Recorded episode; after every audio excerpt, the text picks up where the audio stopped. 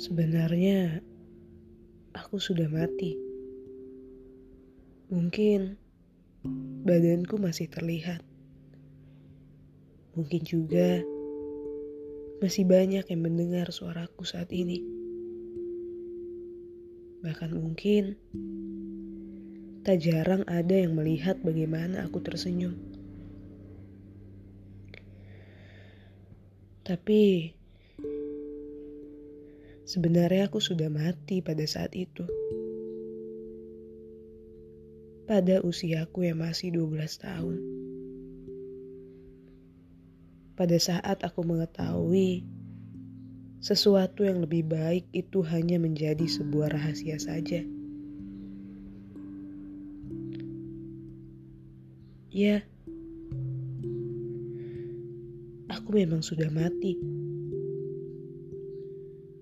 Sudah jauh jiwaku terbang entah ke mana.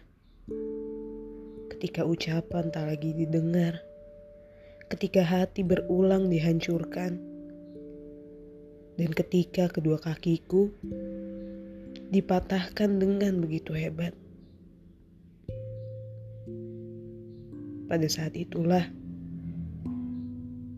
aku sebenarnya sudah mati meninggalkan tubuhku yang hanya berjalan mengikuti waktu, mengikuti arus, dan mengikuti gerak matahari. Hingga sampai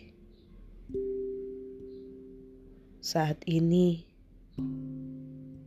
aku hanya sedang menunggu waktuku yang memang benar akan berhenti nantinya. thank you